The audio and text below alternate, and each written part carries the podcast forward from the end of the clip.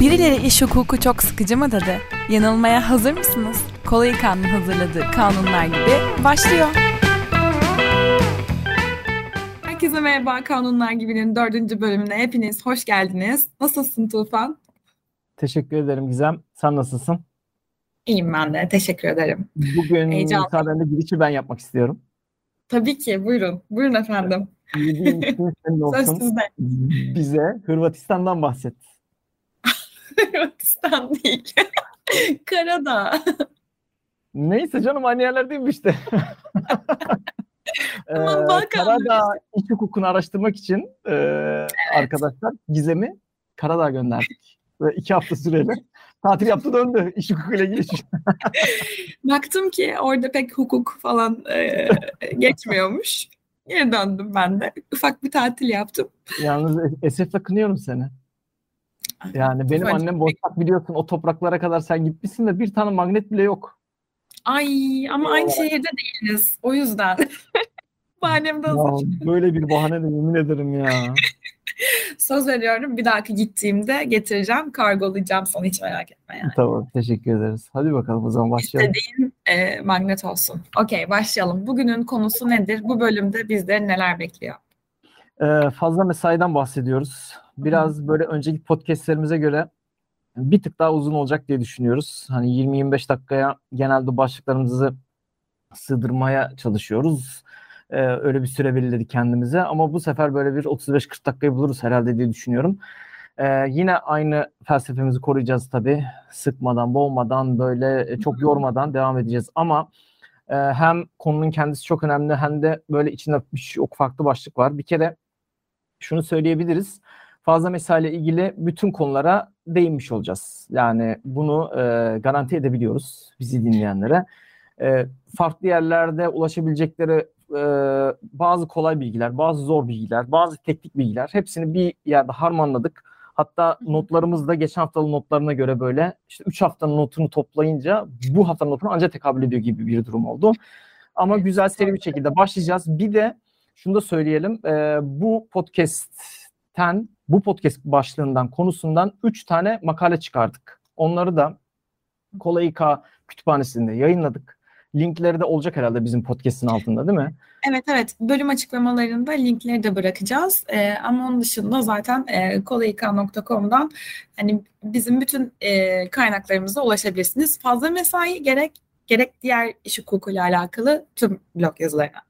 Tamamdır. Yani bizzat aslında burada anlatacaklarımız, konuşacaklarımızın bir yazılı özeti de karşılığı da e, bizim e, sitelerde yayınlanmış olacak. Oradan okuyup, e, buradan dinleyip böyle e, iyicene akıllara perçinlemiş olacağız. O zaman evet. girişi yapalım.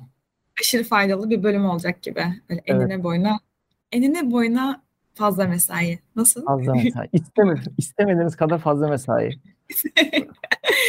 Okey o zaman söz sizde Tufan Bey. Evet başlıyoruz efendim. Neyle başlıyoruz? Önce e, en genel ve basitinden başlayalım.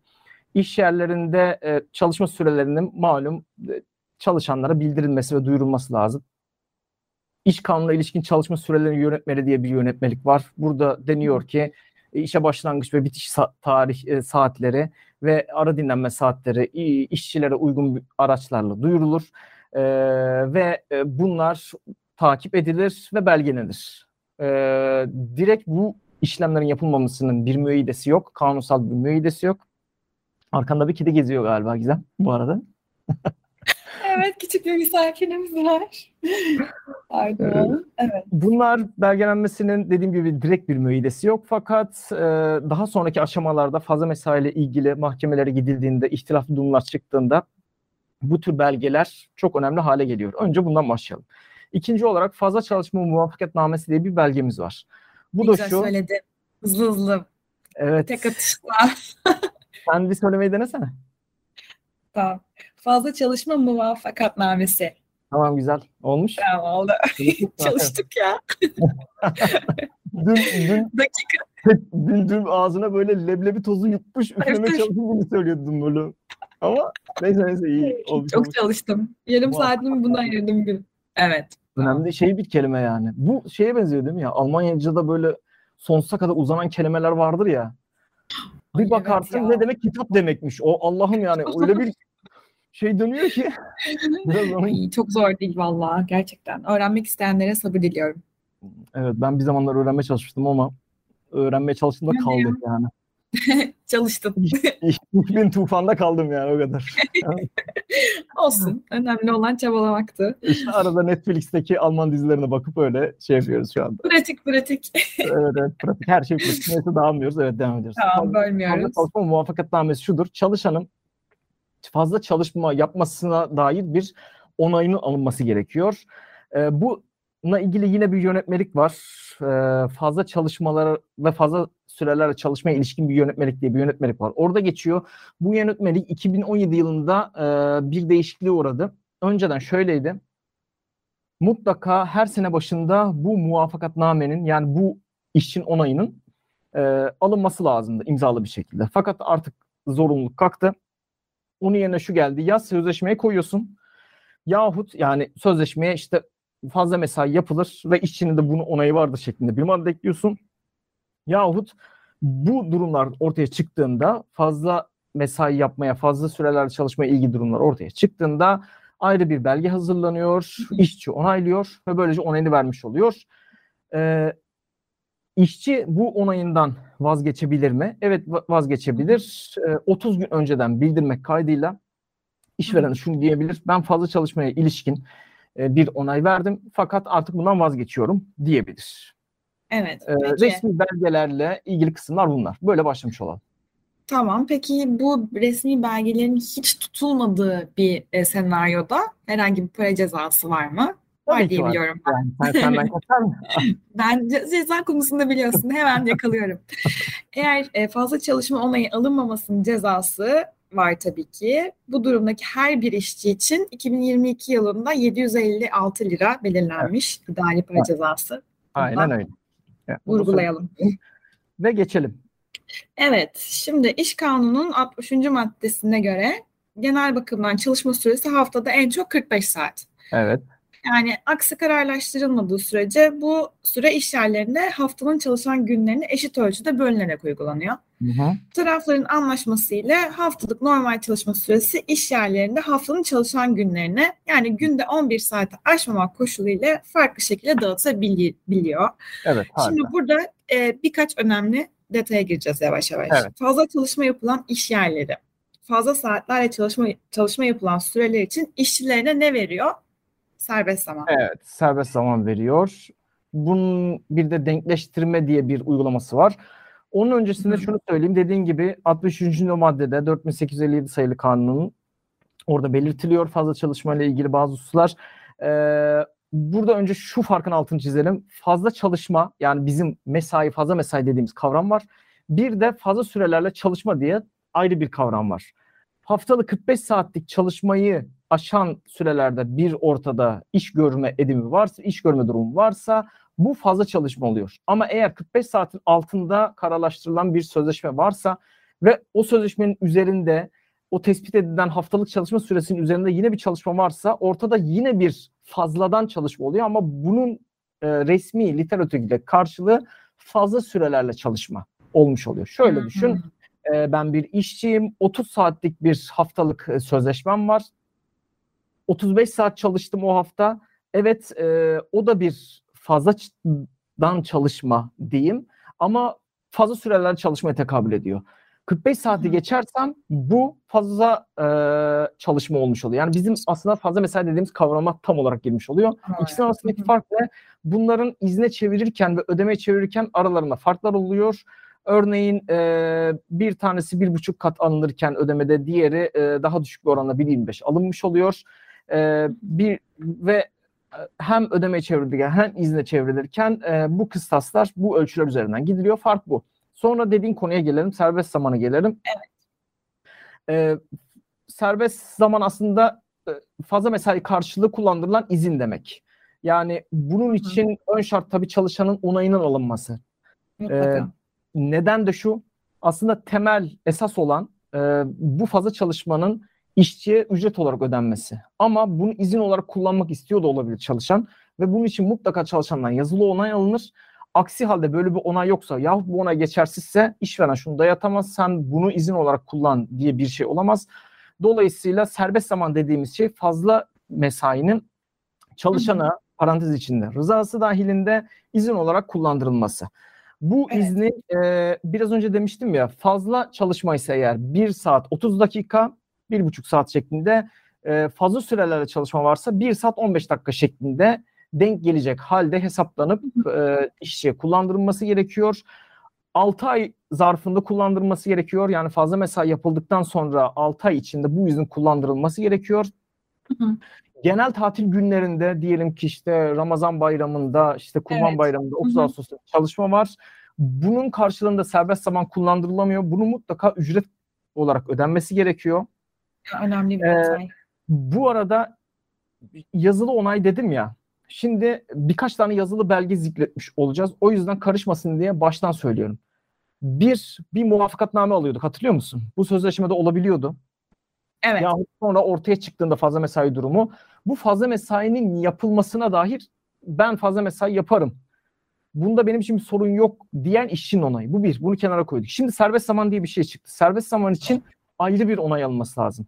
Her bir serbest zaman için bir onay alınması lazım. Yani mantık olarak e, dolayısıyla sözleşmeye böyle bir madde koyamazsın. Yani Aha. her bir serbest zaman için Tabii. ben şimdiden onay verdim diyemez bu geçersizdir. Kesinlikle. Kullanılacak e, her bir serbest zamanın karşılığının işçiden onayının olması lazım. Bir de onay verdim ya ben o izni kullanacağım ya o serbest zamanı. Bir de onun için ayrıca yani izin belgesinde olabilir bu. Şu zaman kullandığım fazla mesainin iznini kullanıyorum diye böyle e, bir ayrı belge düzenlenmesi gerekiyor. Bunlar birbirine karıştırılmasın. Ee, bir de denkleştirme durumu var tabii. Orada da böyle hani tekrar işçinin onayın alınması muhabbetinden bahsetmiş olacağız. O yüzden bunları şöyle bir kafaya e, iyice yerleştirmiş olalım. Sonra geçelim. Tamam. Atladığımız bir şey var mı? Galiba tamam. yok. Denkleştirmeye geçebiliriz. Denkleştirme tamam. Ee, fazla mesai olayı var ama belli bir süre zarfında bu fazla mesai daha az çalışmayla dengeleniyor bir iş yerinde iki ay süresi var normalde bunun. Yani şu şöyle olmuş oluyor. Aslında birazdan çok basit bir örnek de vereceğim. Rahatça anlayacağız. Ee, ilk 4 haftalık süre içinde fazla çalışma yaptın. 45 saati geçtin. İkinci haftada, e, ikinci ayda buna denk gelecek şekilde daha az çalıştın 45 saatten. Bu 8 haftalık süre dilimini topladın. Bunun maksimumu 8 hafta olabiliyor.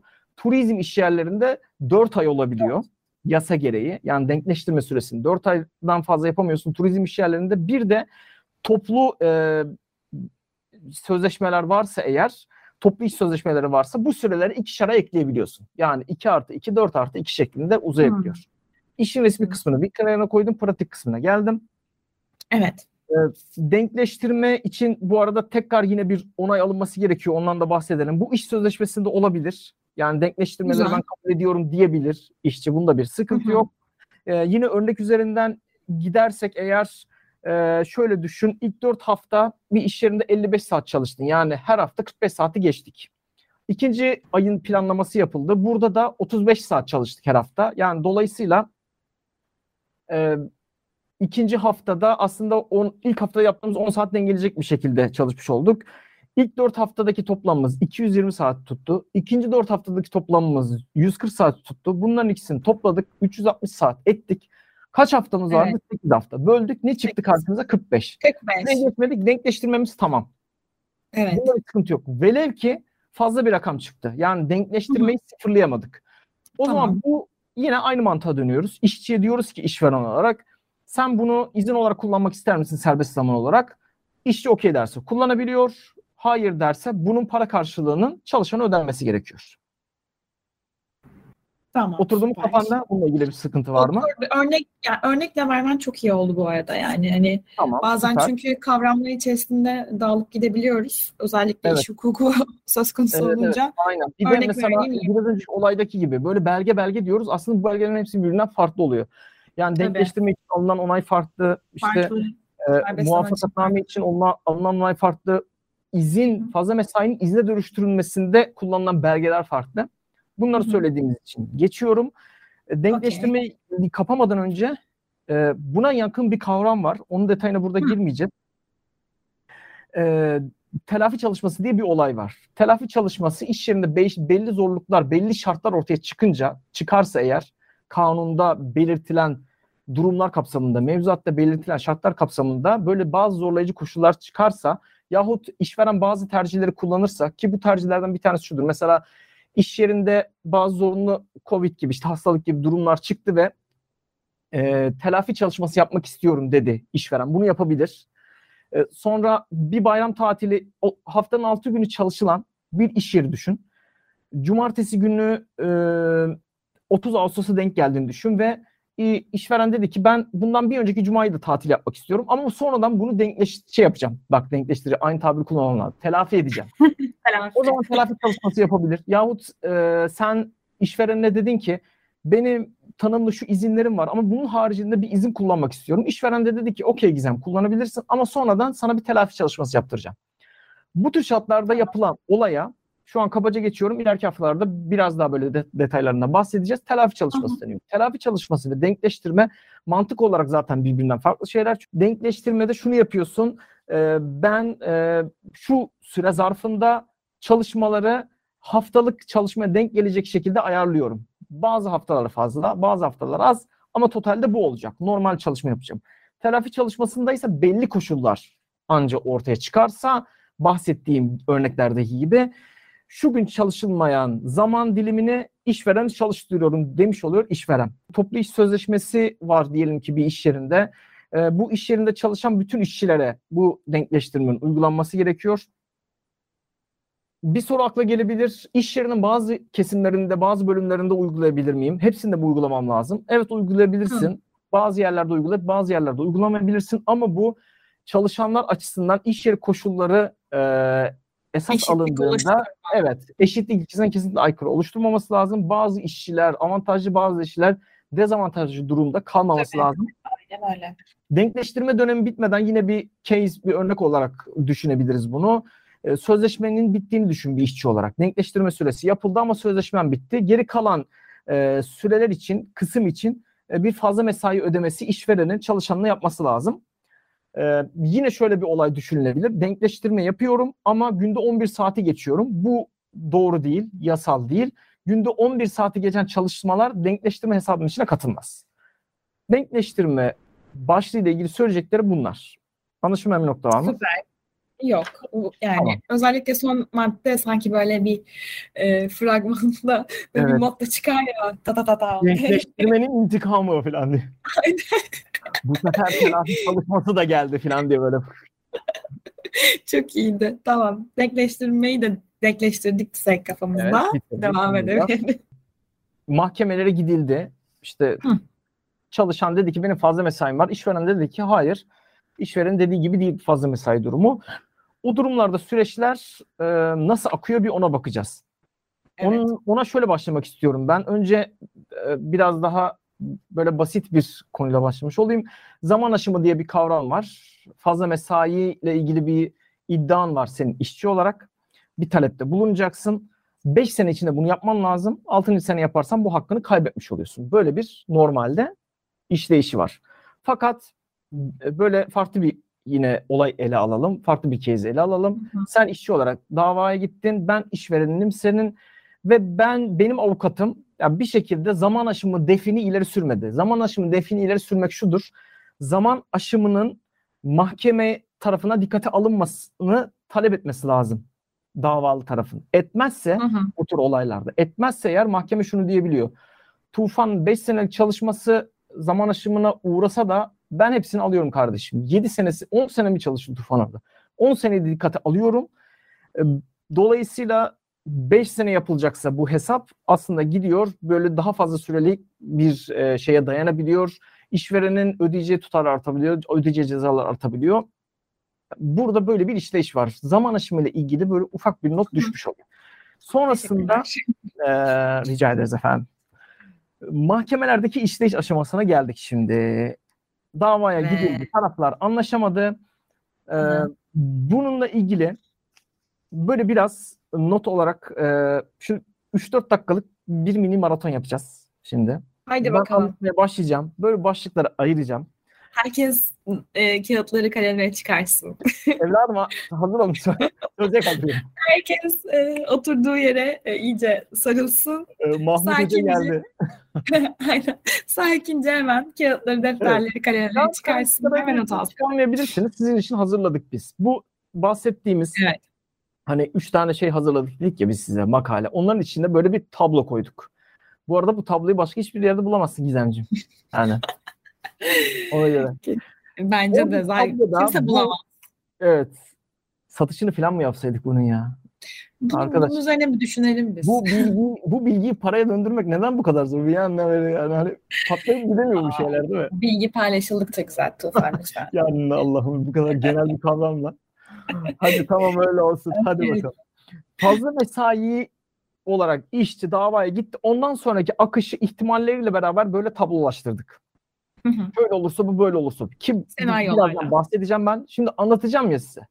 Anlattıktan sonra siz o tabloyu bir açın bakın ki yazdıklarımın böyle mahkeme kararlarıyla e, yargıtay kararlarıyla desteklenmiş halleri de var orada. Ama orada okumaktan ziyade benim dinlediklerimden sonra tabloya bakarsanız olay aslında e, çok rahat çözümlemiş olacaksınız. Şöyle ki e, burada üç tane de kavramdan bahsedeyim başlamadan önce. Bir tanesi e, ihtirazi kayıt diye bir şey var. İhtirazi kayıt şu. Sen işçisin. Ortada belgeler var. Ve sen bunların hiçbirine e, bir karşı kayıt koymamışsın. İtiraz etmemişsin.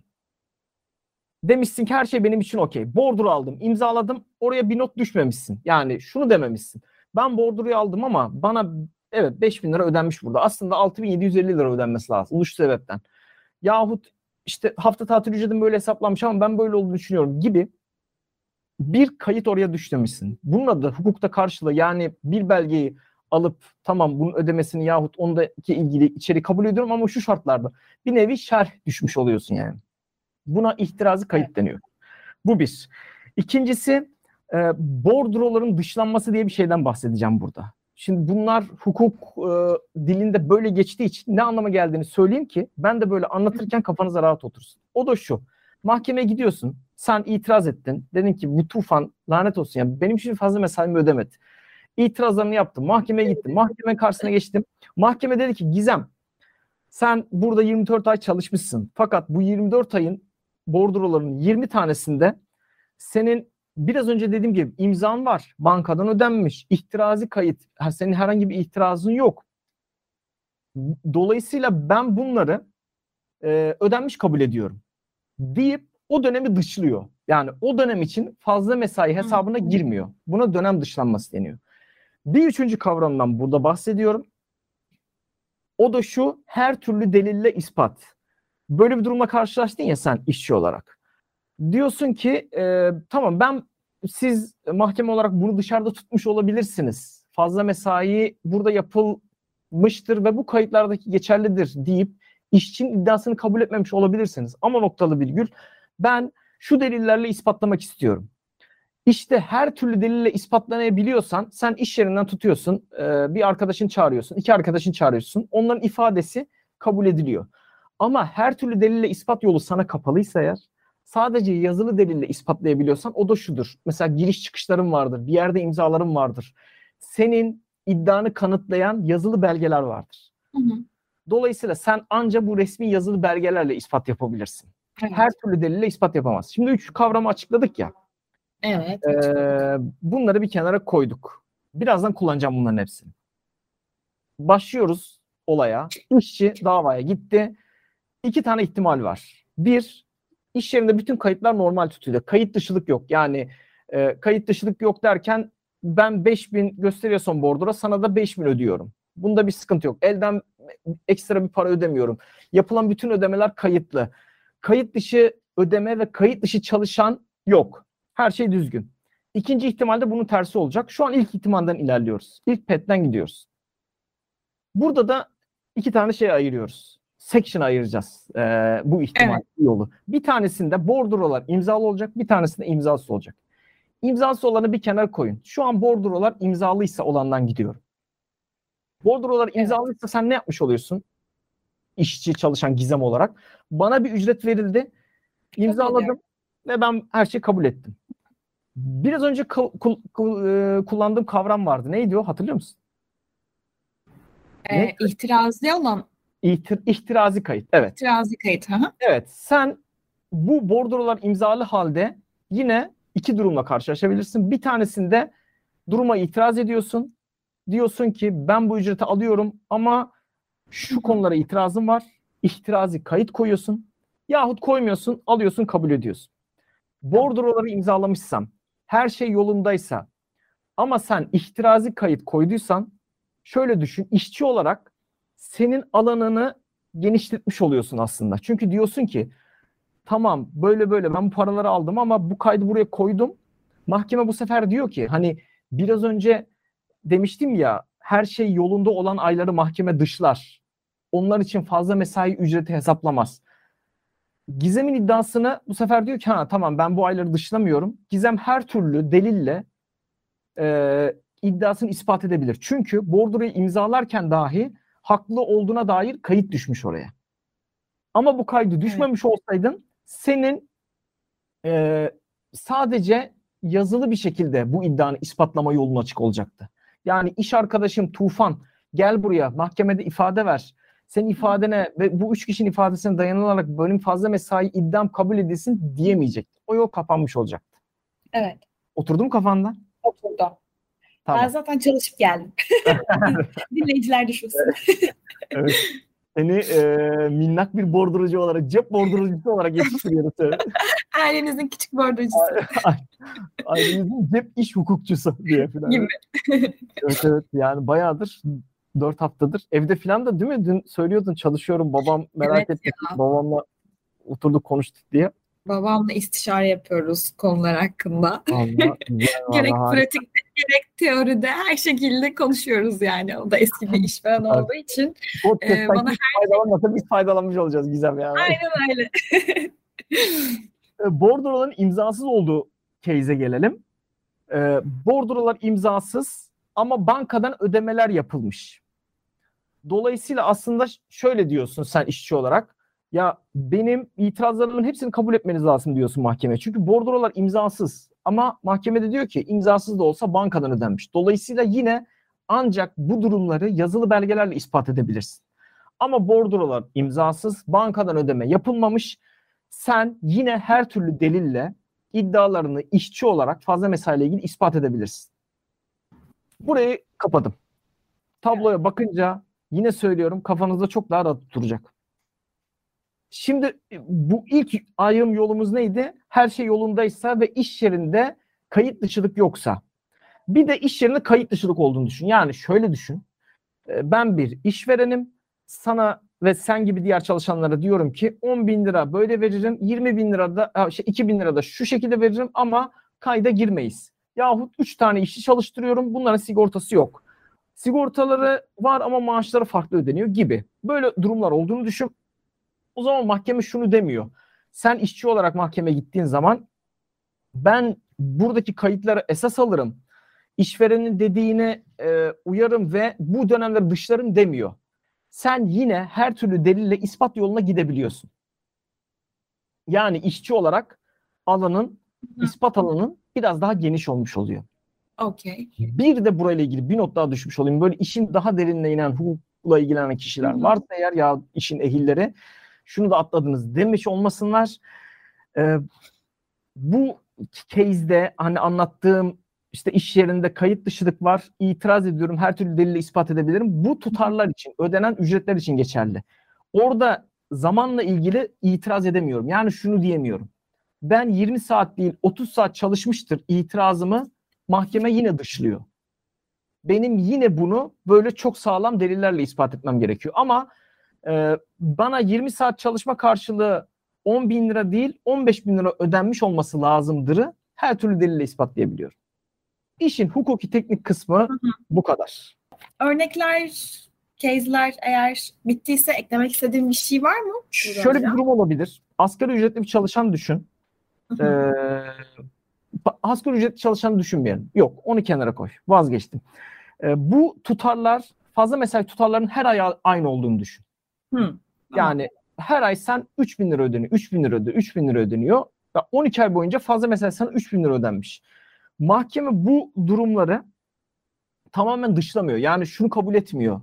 Diyor ki bu çok mantıklı bir şey değil. Fazla mesai yapısı gereği her ay aynı olmaması gerekiyor. E, tabii ki. En azından bazı aylarda farklı olması gerekiyor. Dolayısıyla bu iş biraz rutine girmiş. Hı hı. Dolayısıyla da işçinin evet ben 3 değil 5 alıyorum demesi burada doğru olabilir. Ben bu ayları direkt dışlamıyorum ve işçinin iddiasını dinleyeceğim ona göre karar vereceğim diyor. Tamam. Sen istersen bir de şeyden bahset bu konuyu kapamadan önce. Fazla mesai ile ilgili iş kanununda yer alan cezalar var. Aa, tamam hemen.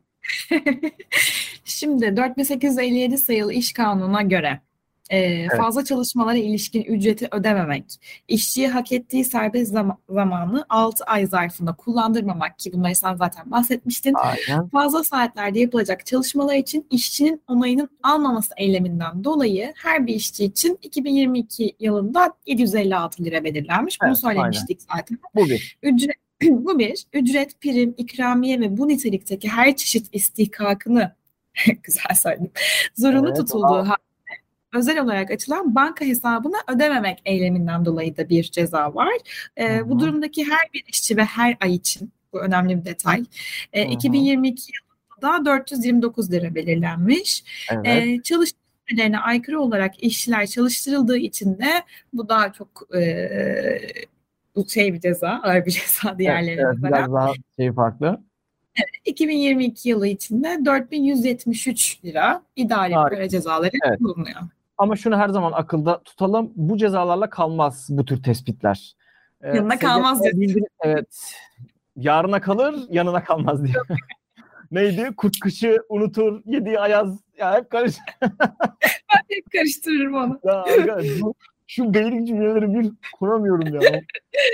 Neyse yetmedi diyoruz. Evet, Devamına evet. getiriyordun galiba. Gelir. Bunun devamı akıllarda hep olsun. SGK bana primler verilmedi diye cezalar uygular. Maliye Bakanlığı bana bildirimler, e, vergi ile ilgili durumlar eksik bildirildi diye cezalar uygular. Çalışma Bakanlığı'nın zaten bahsettiğim cezaları var. E, velhasılı kelam işte mevzuata e, ne kadar uyum sağlarsak e, bugünkü bölümümüzde çıkaracağımız dersler falan diye böyle. TRT duyurusu şeklinde konuyu bağlıyoruz. Şimdi diğer konumuza geçebiliriz. Diğer konumuza geçelim hızlıca. Ne diyoruz? Aylık evet. ücretin içerisine fazla mesai sözleşmede dahil edilebilir mi? Ah, evet. Ücrete geldi. Evet, bu da kritik bir şey. Hı. Uygulamada karşılığı çok olmayabilir fakat e, olan yerler için bazı önemli kritik noktalar var. Onlar da şunlar. Bir kere bu yapılabiliyor mu? Yani sözleşmeye işveren şunu diyebiliyor mu? Gel Gizemcim otur. Ben sana normalde 10 bin lira vereceğim ama her ay 12 bin lira veriyorum. Ve bunun içine fazla mesailer de dahil ediyorum. Kabul ediyor musun? Gizem de kabul ediyor ve sözleşme imzalıyoruz. Bu yapılabiliyor mu? Yapılabiliyor. Hiçbir sıkıntı yok. Fakat bunun belli koşulları var. Bir kere e, Yargıtay kararlarına bakıldığı zaman ondan önce iş kanununa göre biliyorsun bir senelik limitimiz var ya 270 saat. 270, 270 saati senelik geçemiyorsun. Böyle bir sözleşme imzalasan dahi senelik 270 saati geçen çalışmalar varsa eğer bunlar e, ayrıca fazla mesai olarak ücretlendirilmesi gerekiyor. Bu sözleşmenin içine dahil edilen saatin haricinde kalmış oluyor. Peki 270 saat kıstası neye göre işliyor? Şöyle bir mantık var. Bir sene çalıştın, bir sene full çalıştın 12 ay ve 300 saat bir fazla mesai çalışman tespit edildi. Yani sen aslında sözleşmene şöyle bir madde koydurdun ve kabul ettin ve imzaladın. Dedin ki benim sözleşmeme fazla mesai dahildir. Ee, ekstradan bir fazla mesai ücreti almayacağım ama o sene 270'i geçen 30 saat çalışman olduğundan dolayı e, Ceteris Paribus diyelim. Bununla ilgili yasaklar ve uygulanan cezaları bir kenara koyalım. 30 saatin çalışana fazla mesai olarak ödenmesi lazım. Peki bunun tespiti neye göre yapılıyor? 270 saatte e, bir 52'ye bölüyoruz. 52'ye neden bölüyoruz? Çünkü bir yılda 52 hafta var. Yargıtay fazla mesai ile ilgili haftalık hesapları e, fazla mesai ile ilgili aşım hesaplarını yaparken bu tür case'lerde haftalık bu rakama ulaşıyor. 270'i e, 52'ye bölünce karşımıza 5.20 diye bir rakam çıkıyor. Bu rakamı neden söylüyorum? E, şunun için. Önceden Yargıtay'ın kararları şu yöndeydi. mesela sen 270 saati senelik geçmedin ama dedin ki işçi olarak şu haftalarda ben fazla mesai yaptım. O iddianı kabul ediyordu mahkemeler. Ama artık şöyle yapıyor. Senelik 270 saati geçmediysen ve sözleşmene fazla mesaiyim dahildir ibaresi varsa ekstradan senin için bir fazla mesai hesaplanmıyor. Ama ve lakin biraz önce anlattığım olay gibi düşün. Bir sene içinde 300 saat çalışılmış, geriye kalan 30 saat aşım var. Bu 30 saat aşımı her hafta 5.20'yi ne kadar tutar açtıysa örneğin bir haftaya baktı 8 saat açmış. Bir haftaya baktı 7 saat çalışılmış. 8'den 5.20'yi çıkarıyor. İşte 2 küsür. Ondan 10 saat çalışıldıysa o hafta 5.20'yi çıkarıyor 4.80 küsür. Her neyse bu hesap teknik olarak hukuki teknik olarak böyle yapılıyor. Bunun bilgisini vermiş olayım. Herkes için çok gerekli bilgi olmayabilir ama e, Yargıtay kararlarındaki işleyiş ve hesaplama böyle yapılıyor. Bunu bilin.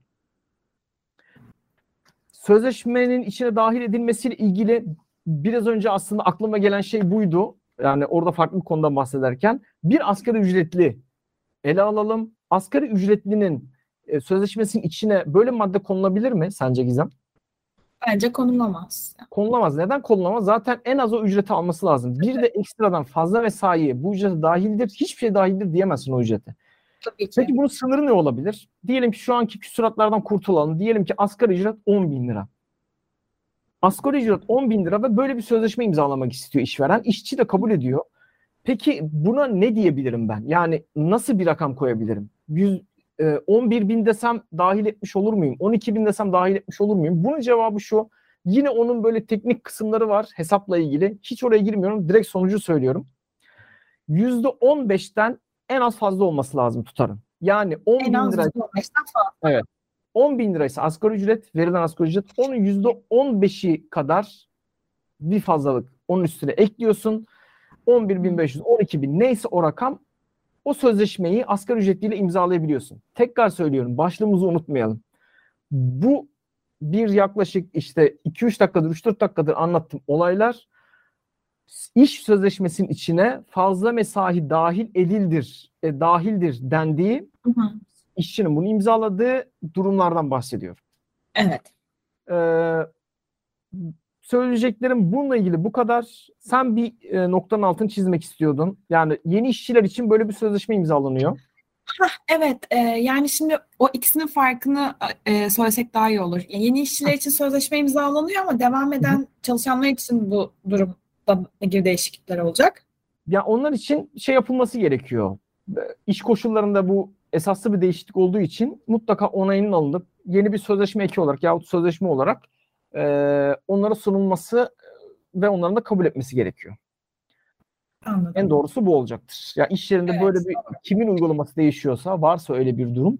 Dediğim gibi iş çalışma hayatında e, çok fazla karşı ya, genele bakıldığında çok fazla karşılaşılan durumlar olmayabilir ama dikkatli olması gereken e, şeyler maddeler bunlarda. Kesinlikle. Deyip, bunu da burada kapatabiliriz. Geçelim diğer maddemize, konumuza.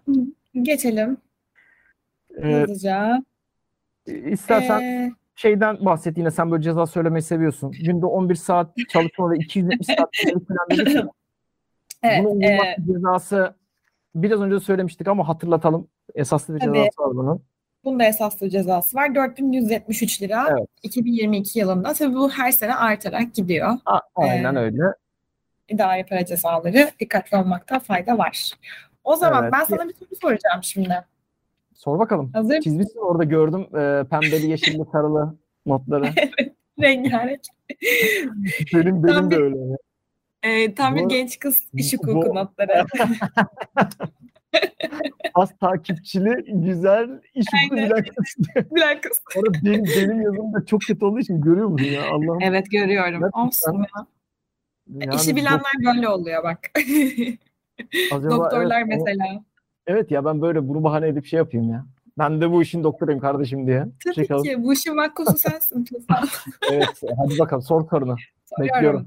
Kimler fazla e, fazla mesai yapamaz? Ha, süper harika. Kimler yapamaz? Hemen söylüyorum. Burada biraz böyle bazılarını sağ, e, şeyde kanunda direkt geçen şekliyle söyleyeceğim. Bir sağlık e, kuralları bakımından günde en fazla 7,5 saat çalışması gereken kişiler var. Bunlara fazla mesai yaptırılamıyor. Bu bir. Gece sayılan gün döneminde yürütülen işlerde yani gece e, kapsamına giren işler var.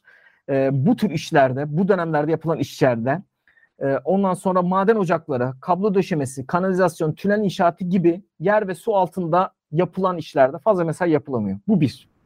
Yani daha doğrusu 3 2 3 madde saymış olduk. Bu birinci kısım olsun. İkinci kısım olarak 18 yaşını doldurmamış işçiler, e, sağlıklarının el vermediğini hekim raporuyla e, belgeleyen işçiler, gebeler, yeni doğum yapmış kadınlar ve çocuk emziren kadınlar e, bunlar fazla mesai yapılması yasak. Bir de kısmi süreli part-time iş sözleşmesi e, yapı, neyse bir çalışan buna fazla mesai yaptırılamıyor.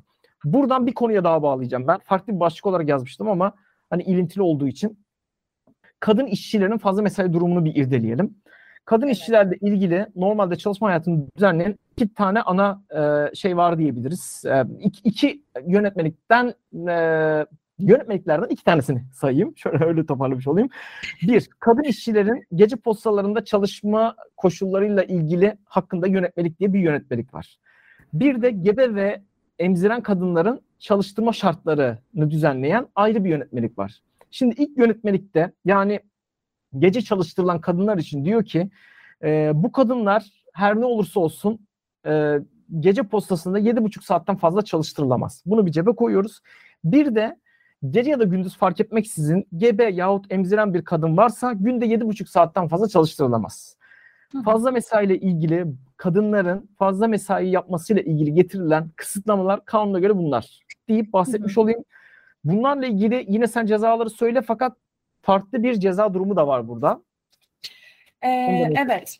Bir saniye. Şey hemen bakıyorum. Çünkü rakamlar olunca. 4173'e liraya Ek bir olarak. cezaya muhatap oluyor burada. Çünkü evet. fazla mesele ilgili şeylere e, uymamış çünkü. oluyorsun. Bir de Aha. onun yanında e, iş sağlığı ve güvenliği 6331 sayılı yasa var ya onu evet. uymamaktan dolayı uygulanan cezalar var. Onların tutarları istersen sen söyle. Aylık aylık 3479 lira ile 10437 lira arasında. Evet, mevcut derecesine ve e, diğer şartlarına göre değişen rakamlar bunlar iş yerinin. Ama e, kadınlarla ilgili bu yönetmeliklere uyulmazsa eğer bu cezalarla muhatap olunabilir evet. diyoruz ve diğer başımıza geçebiliriz. Tamam. O zaman ben bir çalışan olarak bak bu sefer işveren değil. gibi girdi işte. Şimdi diyelim ki Tufan'dan bir çalışanım bak. Ben bir çalışanım bak. ne verdin ben sen bana? hafta tatil ve bayram tatilinde çalışırken fazla mesaiye kalıyorsam ne oluyor? Süper. Evet bu da konuşulması gereken konulardan bir tanesi. Aslında iki tanesi diyelim. Bir tanesi normal hafta tatilimizdeki çalışma. Bir tanesi de resmi tatillerde, bayramlardaki çalışma. Ee, hafta tatilindeki çalışmada herkesin birçok kişinin malumudur. Böyle günlük iki buçuk saat ödenir diye bir durum var. O iki buçuk saatin açılımı da şudur. Bir kere hafta tatili olduğu için çalışılmayan o gün için bir ücret alacaksınız. Yani haftanın altı gün cumartesi çalıştınız. Pazar sizin normalde çalışmama gününüz ama o gün çalışıyorsunuz. Pazar için zaten hiçbir çalışma karşılığı olmaksızın bir ücret alacaktık. Bu bir. Bir de e, bir buçuk kat fazla çalışma mesaisi alacağımızdan dolayı bir buçuk da oradan geliyor. Dolayısıyla e, böyle toplamda iki buçuk günlük bir mesai ortaya çıkmış oluyor. Bayram resmi tatillerde de normalde o gün karşılanacak bir ücret var. O gün yapılan çalışma ile ilgili ayrıca bir günlük de ücret verilmesi gerekiyor. Resmi tatillerde ne bayram tatili gibi, ulusal bayram gibi tatillerde bir saatte çalışırsa, yarım saatte çalışırsa, 10 dakikada, bir saatte, 7 saatte çalışırsa bir günlük ücret verilmesi gerekiyor. Hafta tatiliyle ilgili de Yargıtay'ın bu yönde kararları var. Dolayısıyla hafta tatilinde aynı minvalde düşünebiliriz. Ee, tatillerle ilgili çalışmalara notlarımız bunlar. Böyle bitirebiliriz. Peki bunları... Şimdi yakla, yavaş yavaş sona yaklaştık bu arada. Evet. Ben sana şimdi böyle arka arkaya e, evet. dinleyicilerimizin de merak ettiği bence Aynen. soruları e, yönelteceğim. Hazırsan başlıyorum. Hadi başlayalım. Üst düzey yöneticiler fazla mesai ücreti alabilir mi? alamıyorlar. E, ama hangi üst düzey yöneticiler alamıyorlar? Burada birkaç tane kıssas önemli. E, böyle yine mevzuatta geçen ve uygulamada karşılığını bulan e, kelimelerle, cümlelerle ben sana izah etmiş olayım. İşveren vekili sıfatı taşımanın ötesinde yani bir, her işveren vekili yahut her yönetici olan kişi alamaz diye kesinlikle böyle bir şey yok. Bu yanlış bir şey çıkarım. Hı hı. E, iş yerinin e, bütününü sevk ve idare eden, işçilerin çalışmalarını ve çalışma saatlerini düzenleyen bu önemli bir ölçü. Onlara evet. emir ve talimat veren bu konuda ve e, iş yeri düzenine göre işçi alma ve işten çıkarma yetkisi taşıyabilen yani şu dediğim gibi doğru bir çıkarım değil. İşten işe alma ve işten çıkarma etkisi varsa bir kişinin direkt bu fazla mesela yapamaz değil. Yahut işveren vekili sıfatının önünde e, bazı işleri sevk ve idare ediyor. Dolayısıyla bu da e, fazla mesai yapamaz. Bu çıkarımda doğru değil. Şuna bakmak lazım. Yani dedim ya e, iş çalışma saatlerini düzenleyebilmek önemli bir ölçü.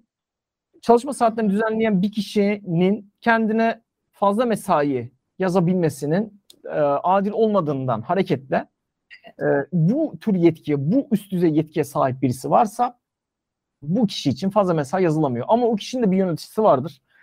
O kişi de birinden e, yine mesai ile ilgili izinler alması gerekiyordur. Bu kişi için de fazla mesai ölçüsü konabilir. Yani böyle biraz objektif, biraz subjektif e, arada bir durum.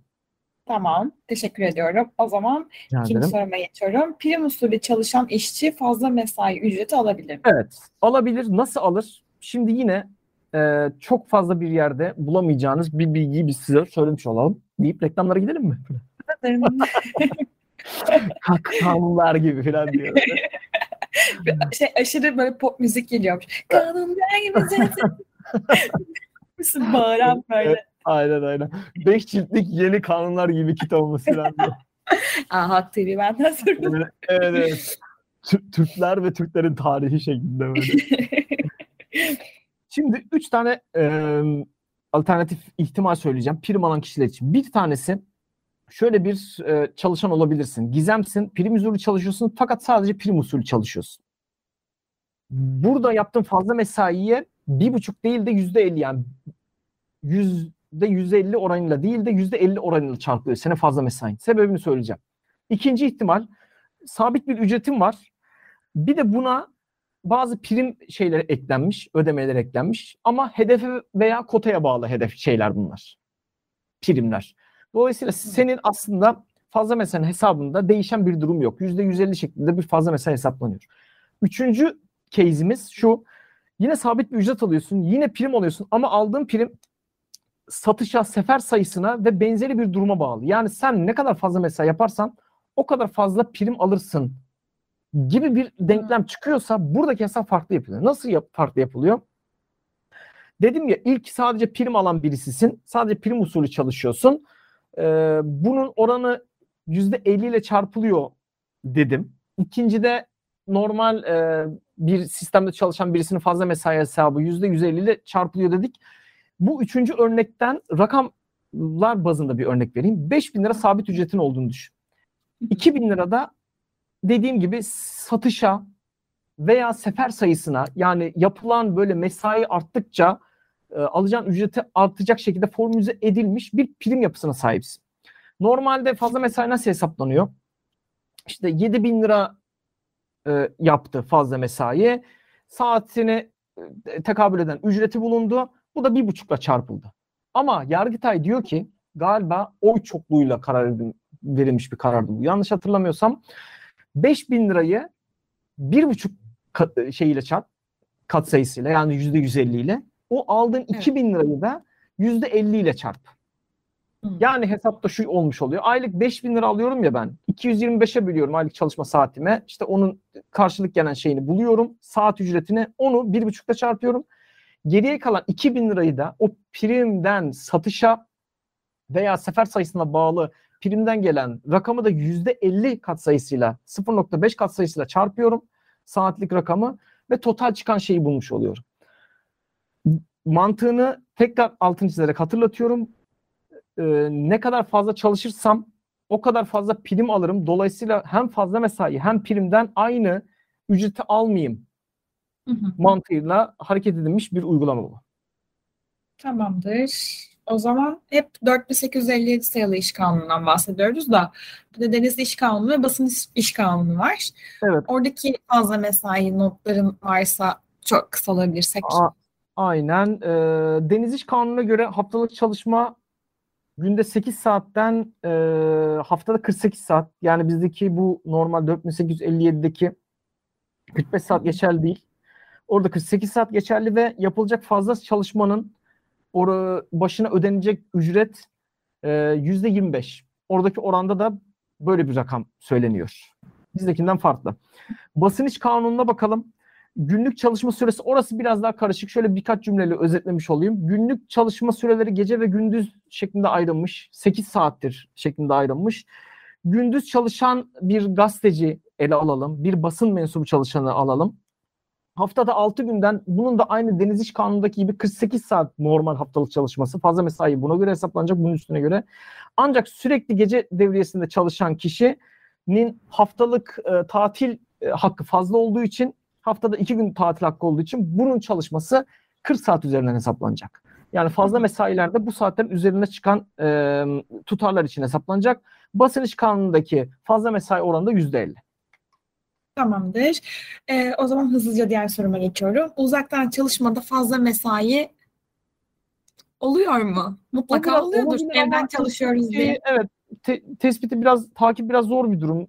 Yani yapılabilir ama neye göre yapılacak, nasıl yapılacak? Biraz böyle iş ile işveren arasındaki ilişki güvenine bağlı yapılabiliyorsa takibe bağlı bir durum.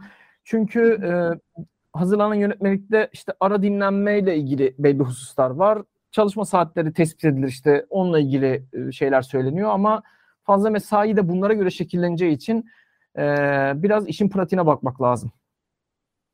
Evet doğru. Yani çünkü kanıtlanamayan bazı durumlar olabiliyor. Aynen öyle. Biraz uzaktan çalışmada bu şeyler e, takibi zor olabilir. Son evet. olarak senin e, soracağın sorular bittiyse eğer hocam. Ee, e, var mı başka bir sorun? Bir tane var. Sor. Tamam. Yıllık 270 saati ve gece 7,5 saati geçen fazla çalışmalar fesin nedeni olabilir mi? Yani tamam, ben ben de bundan bahsedecektim. Süper soru. Tamam. Kim verdi sana bu soruları filan demiş. Tufamat. Şimdi bu fesin nedeni olabilir. Neye göre olabilir?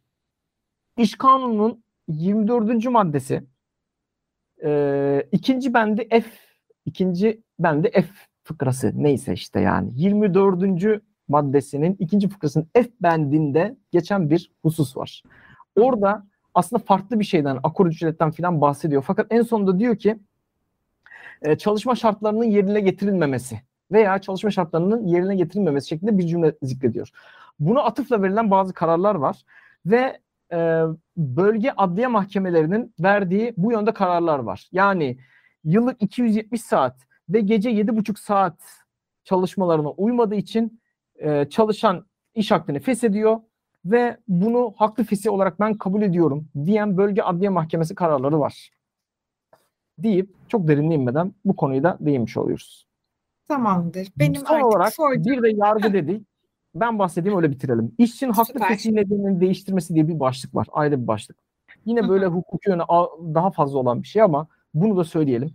Diyelim ki dört tane, beş tane hatta burada case söyleyeceğim çok kısa kısa. Bu örnekleri vermem yeterli olacak. Haklı fesih yapacaksın. Sen iş yeriyle anlaşamadın. Ben senin patronunum. Yine sen işçisin e, ve iş yerinden ayrılıyorsun. Haklı fesih yapıyorsun. Belli nedenler zikretmen, söylemen gerekiyor ya.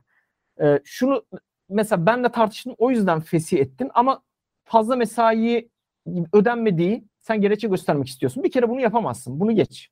Yani bu ikisi arasında bir bağ yok. Fakat şöyle yaptın.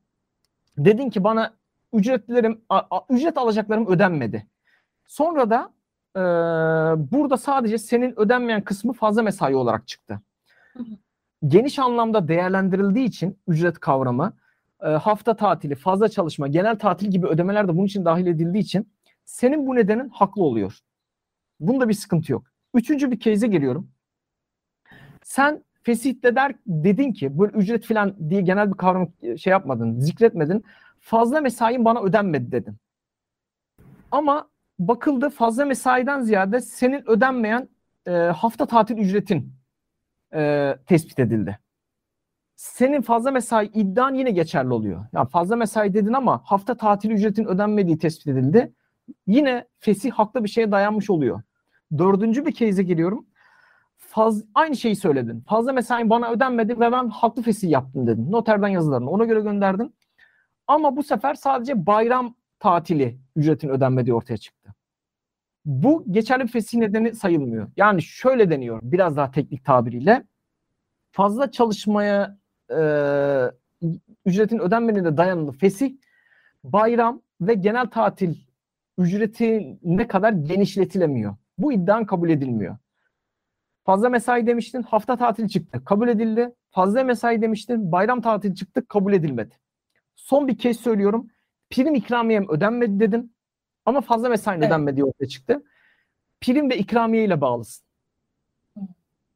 Genelde hani fesihlerde belki hepsi içine katılıyordur. Prim, fazla mesai, ücret haklar her neyse. Fakat e, ol, olur da olur böyle vakalar olursa yani en azından olabilme ihtimali olan durumların hukuki karşılığını zikretmiş olduk. Ve maratonumuzu bitirdik. Fazla evet. mesai konuyu kapadık.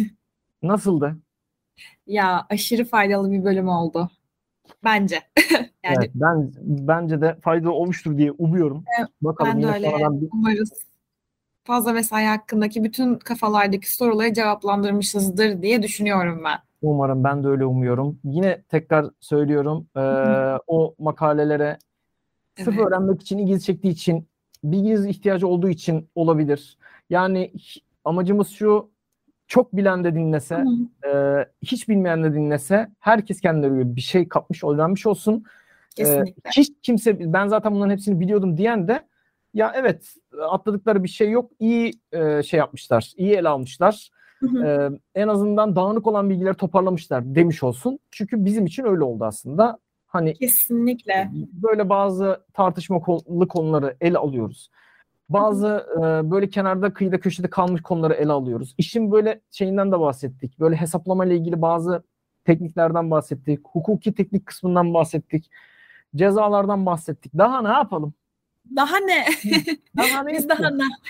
daha ne yapalım ya? Gerçekten çok. Deyip o zaman bitirebiliriz. Evet ağzına yani sağlık Tufan. Bu haftalık bizden bu kadar. Gelecek bölümlerde görüşmek üzere. Herkese iyi günler diliyorum. Hoşçakalın. Kendinize iyi bakın. Bay bay. Hoşçakalın. Bay bay.